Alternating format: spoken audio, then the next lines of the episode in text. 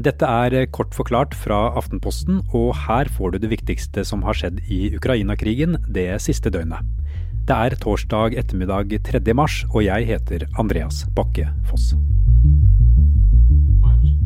The northern push by the Russians down towards the south, towards Kyiv, uh, remains stalled. I flere dager har en 64 km lang kolonne av russiske militære kjøretøyer sneglet seg mot hovedstaden Kyiv. Men eh, nå hevder det amerikanske forsvaret at kolonnen har stoppet opp. Den har rett og slett ikke flyttet seg noe særlig de siste dagene. Uh, they haven't, from our best estimates, have not made any appreciable uh, progress, geographically speaking, uh, in the last 24 to 36 hours. Også det britiske forsvarsdepartementet bekrefter stillstanden. Britene sier kolonnen knapt har gjort fremskritt de siste dagene. Det er ingen tvil om at denne kolonnen er viktig for russerne om de skal nå målet om å ta hovedstaden. Kollega Harald Stolt-Nielsen her i Aftenposten har sett nærmere på hva som kan være årsaken til at kolonnen nå ikke går fremover. Denne kolonnen har jo tilsynelatende stått stille i tre dager. Mange eksperter peker på at russerne muligens omgrupperer seg etter en litt eh, mislykket eh, offensiv til å begynne med. Men det kan også tyde på at de har møtt på mekaniske problemer pga. dårlig vedlikehold av eh, militært kjøretøy. De har eh, visstnok mangel på drivstoff. Det er i tillegg kommet eh, store utfordringer med sprengte veier og broer.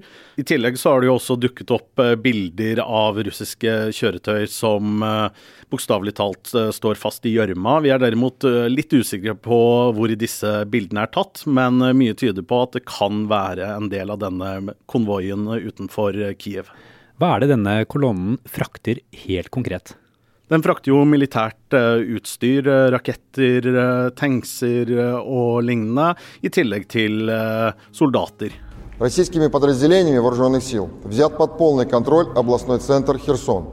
Den viktige havnebyen Kherson er trolig den første større byen som Russland har tatt kontroll over. Men torsdag ettermiddag så er dette fortsatt litt uklart. I morges meldte nyhetsbyrået Reuters at russiske styrker står i sentrum av byen. Aftenposten har også verifisert flere videoer av russiske soldater som patruljerer byen uhindret.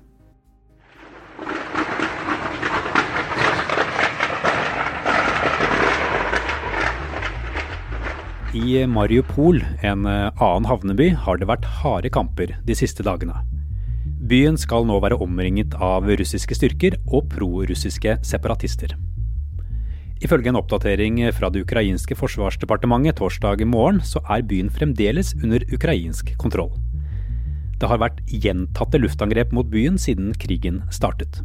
Det britiske forsvarsdepartementet sier også i dag at Mariupol er under ukrainsk kontroll.